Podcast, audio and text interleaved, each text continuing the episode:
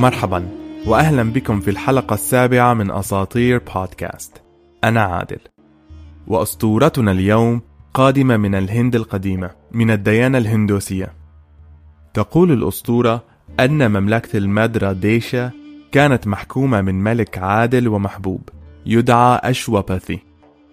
وكان يحكم بجانب زوجته الملكه ملافي ولم يكن لهما أي أولاد. كان الملك والملكة يرتادان معبد الآلهة سافتري الآلهة الأم. سائلين وراجين أن يحصلوا على طفل. قضوا على هذه الحال عدة سنين لكن صلواتهم لم تستجاب. لكنهم لم يستسلموا. وبعد ثمانية عشر من السنين قضوها في الصلاة والتضرع تجسدت الآلهة سافتري أمامهم بحلتها السماوية في داخل معبدها. فشكروها على نعمها وطلبوا منها طفلا ليرث العرش وليحمي المملكة من بعدهم. بعد صمت وجيز أجابتهم الآلهة أنه لا شيء يحصل بدون إرادة الإله براهما، وأن براهما كان قد أراد لهما أن يحصلا على وريث للعرش. ثم أخبرتهم أن الطفل سيكون فتاة مباركة بكل الخصل الملكية من عند الآلهة. بعد مرور الوقت المناسب وأحد المصادر ذكرت عدة أيام فقط وضعت الملكة ملافي طفلة صغيرة بارعة الجمال وكان اسمها سافتري على اسم الآلهة الأم التي وهبتها لأبويها ولمملكتها. مع مرور الوقت كبرت سافتري وأصبحت سيدة ذات جمال وخلق وكانت عطوفة جدا. كان لها أقرب ما يوصف بهالة مباركة تعطيها رونقا مباركا كأنها أحد الآلهة. عند بلوغها سن الرشد، قرر والداها أن يزوجاها، وعندما ذاع الخبر جاء أشجع الرجال وأقواهم، وأغنى الرجال وأثراهم، أصحاب الصيت والسمعة الطيبة، حتى الأمراء من المملكات المجاورة. جميعهم جاءوا ليتقدموا لها، ولكن عند التقائهم بها تراجعوا عن مطلبهم ولم يتزوجوها حيث أنهم شعروا أنهم لا يستحقونها كزوجة لهم. انسحب جميعهم من السوايمفرا وهي مجموعة الطقوس التي يتم بناء عليها اختيار أزواج وزوجات ملوك الهند القدماء. سئمت سافتري من مقابلة الشبان وبعد التفكير لعدة أيام طلبت من والديها الموافقة على إرسالها للبحث عن شريك حياتها المستقبلي. طبعا وافقا على ذلك وأعطوا الأوامر بتجهيز عربة سافتري الذهبية وخيولها.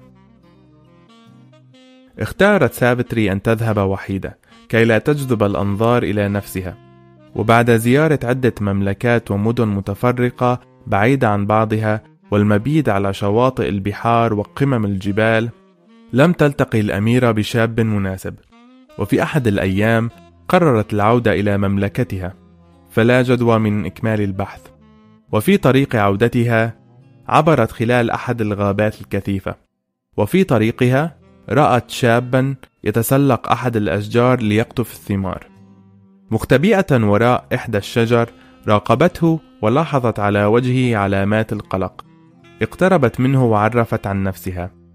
صدم الشاب لرؤية أميرة جميلة في الغابة ولكنه تمالك أعصابه وأخبرها باسمه ساتيافان وأخبرها أنه أمير من مملكة سلفا ديشا ابن الملك ديما ثسينا الذي سلب من بصره عندما سرق عرشه منه خلال حرب ليست بقديمة. ومن وقتها جبرت العائلة على سكن الغابة. وأخبرها أيضا أنه يقوم بالعناية بوالداه وأن الغابة هي مصدر رزقه الوحيد. أعجبت به الأميرة جدا وجلست أمامه وتحدثا لساعات قبل أن تهم بالعودة إلى مملكتها. عند انتهائها من الكلام قررت الأميرة الزواج منه على الفور فكانت قد رأت فيه كل الصفات المناسبة. عندما عادت إلى القصر استقبلها أبوها الملك وأخبرها أن في المملكة ضيف عزيز ثم قادها إلى قاعة العرش وعرفها على الحكيم العظيم نردا رسول الآلهة فيشنو نردا كان قادرا على فهم الماضي الحاضر والمستقبل بسبب ترحاله بين العوالم الثلاثة الأرض، السماء، وعالم الأموات. رحب الملك وابنته برسول الإله وصبا الماء المقدس عند قدميه احتراما له وانحنى تقديرا له. بعدها التفت الملك إلى ابنته وسألها عن أخبار رحلتها فأجابت على الفور أنها قابلت شريك حياتها في الغابة القريبة ثم قصت على أبيها وناردا ما جرى وأخبرتهم عن ساتيافان وعن قصته وعن ما جرى بينهما عندما انتهت سأل الملك ناردا عن رأيه في هذا الشاب ابتسم الحكيم وهز رأسه موافقا ثم قال اختيارك كان صائبا. ثم تابع فقال إن ساتيافان شاب صادق لم يكذب يوما إنه محب للخيول صبور كريم ولامع كالشمس.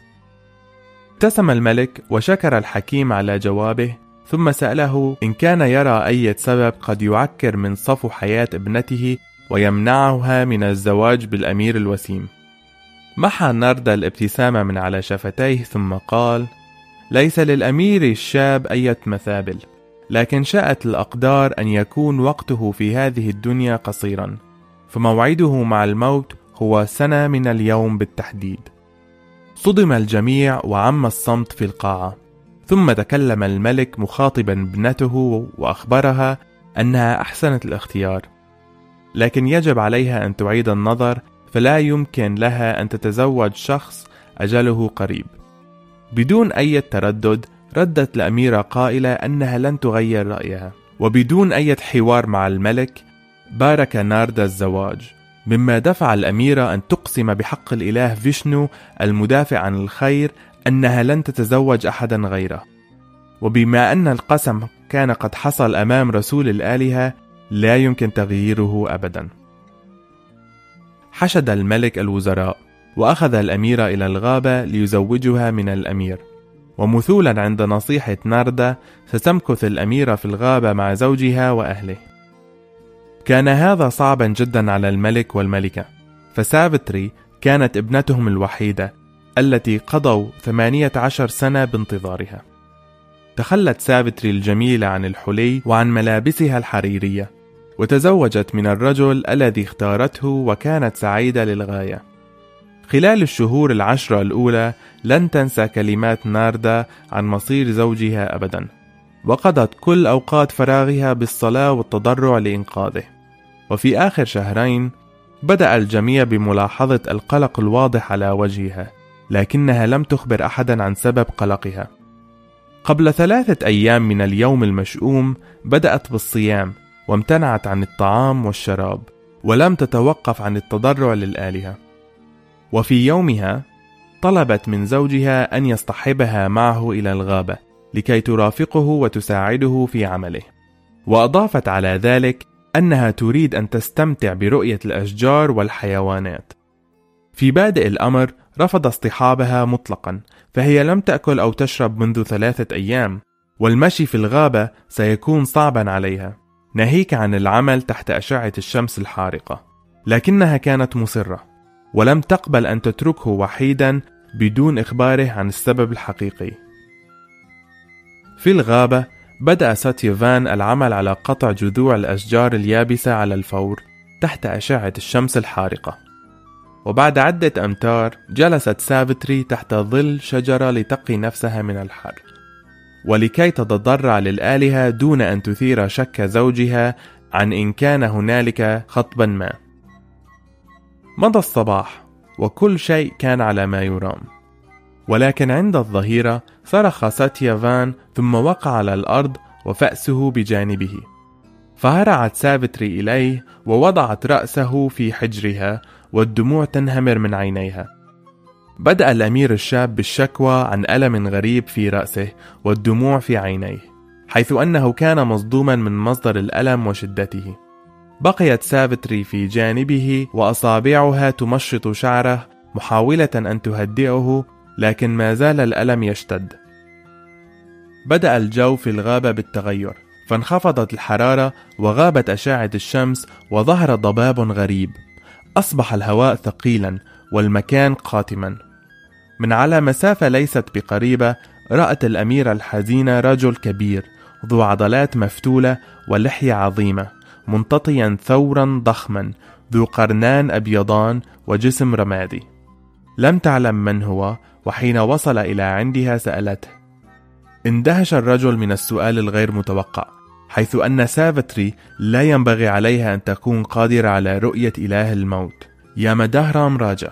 لكنه علم على الفور أنها أحد الأشخاص المباركين القريبين من الآلهة لالتزامهم بالتعاليم ولصدق عباداتهم. عرف ياما عن نفسه بلطف وأخبر الأميرة أنه هنا ليقود روح زوجها إلى عالم الأموات. اقترب ياما من جسد الأمير وربط حبلا حول عنقه ثم سحبه.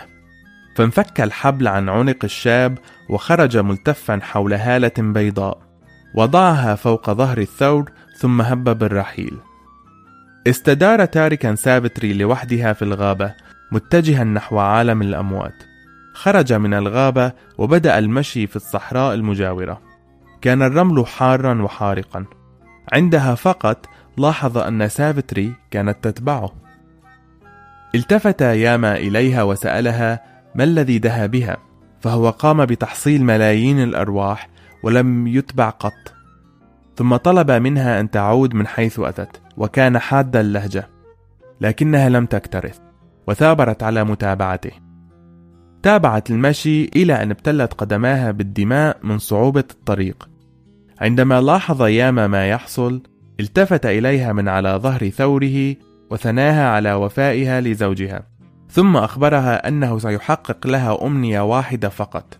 وقال لها أنه بإمكانها أن تطلب أي شيء إلا أن يعيد زوجها للحياة. بدون أي تردد شكرت الإله وطلبت منه أن يعيد النظر لوالد زوجها الملك. وافق ياما على الفور ثم تابع السير في طريقه نحو عالمه. وبدون أي ملل تابعت سافتري اللحاق به غير مكترثة لحرارة الشمس صعوبة الطريق أو غضب الآلهة أو حتى حياتها. سئم ياما منها حيث أنه لم يقابل أحدا بهذا الإصرار قط. التفت تجاهها للمرة الثانية وأخبرها أنه سيحقق أمنية أخرى لها لكنه لن يعيد زوجها للحياة. وبدون أي تردد طلبت منه أن يعيد مملكة زوجها إلى أبيه المنزوع. وافق ياما والتفت إلى طريقه وتابع المسير حتى بدأ الثور بالنزول إلى العالم الأسفل. وعند البوابة لاحظ أن الشابة ما زالت خلفه. لم يكن ياما على علم أن وفاء البشر يمكن أن يدفع بهم لزيارة عالم الأموات من أجل من يحبون. وتقديرا لها أعطاها أمنية أخيرة فطلبت منه أن يجعلها أم لكثير من الأطفال. وبدون أي تفكير أو تردد وافق على طلبها وطلب منها أن تعود أدراجها لكن قبل أن تذهب رددت قسمها أمام الإله فيشنو ورسوله ناردا. فلا يمكن لها أن تكون أما أو أن تنجب طفلا وزوجها الذي ربطت مصيرها به بقسم عظيم كان قد مات. هنا لاحظ إله الموت أن ذكاء الأميرة كان قد نال منه وأنه لا يوجد أي خيار أمامه إلا أن يعيد روح زوجها إلى جسده. فأعادها وبارك زواجهما من جديد. في النهاية استرد الملك بصره ومملكته بفضل وفاء وحنكة سافتري واسترد الأمير الشاب روحه بفضل حبها له وعاد من الغابة إلى القصر ببركة إله الموت ياما.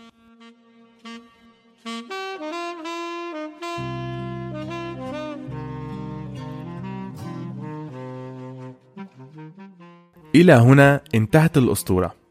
في الحقيقة كنت مترددا بعض الشيء عند كتابة هذه الحلقة، فبعكس الأساطير اليونانية أو المصرية، يوجد حوالي مليار شخص يمارسون الديانة الهندوسية. وأردت أن أشارك القصة في البودكاست من باب نشر العلم ومشاركة الثقافة الهندية بشكل محترم. أقدم رواية للقصة تأتي من كتاب الغابة المكتوب باللغة السنسكريتية وهي لغة قديمة جدا وتستخدم غالبا في الطقوس والشرائع العبادية في الديانة الهندوسية وتعتبر لغة رسمية في الهند. أول ظهور للغة السنسكريتية كان في سنة 150 للميلاد في مجموعة نقوش على ألواح حجرية. كتاب الغابة كانت جزء من المهابهارتا التي بدورها تعتبر واحدة من أشهر الملاحم والقصائد السنسكريتية في عدة محافظات في الهند تقوم النساء بالاحتفال بيوم سافتري براتا عن طريق الصيام والدعاء لأزواجهم بطول العمر والصحة الجيدة.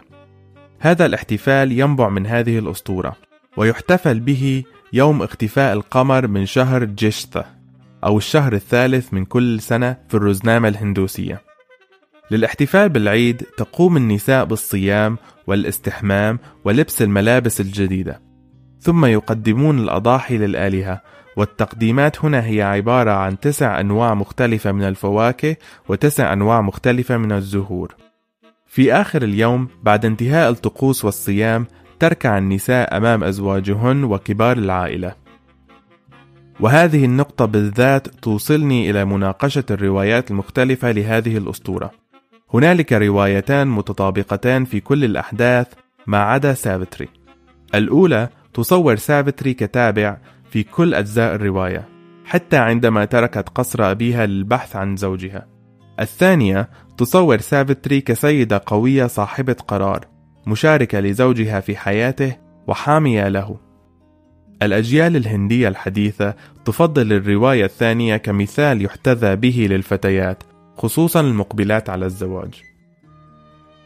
في عام 1950 نشرت القصة في الهند في كتاب سافيتري الأسطورة والمثال. لكن في عام 1916 استلهم جوستاف هولست مقطوعة أوبرا من القصة وعرضها في إنجلترا. في السينما والتلفاز يوجد العديد من البرامج المستلهمة أو المبنية على هذه الأسطورة لكنها جميعا من الهند. أتمنى أن تكونوا قد استمتعتم واستفدتم من حلقة اليوم. هذه الأسطورة تعتبر جزء بسيط من الثقافة الهندية الغنية ومرتبطة بالشعب الهندي وعاداته. لا تنسوا مشاركة الحلقة مع أصدقائكم المهتمين بالأساطير وتقييمها على المنصة التي تستخدمون. إذا أردتم التواصل معي فبإمكانكم ذلك عن طريق الإنستغرام ASA T E E R P O D أساطير بود لترك اقتراحاتكم وآرائكم وهناك ستجدون المزيد من المعلومات وأعمال فنية معنية بحلقة اليوم. كان معكم عادل في أساطير بودكاست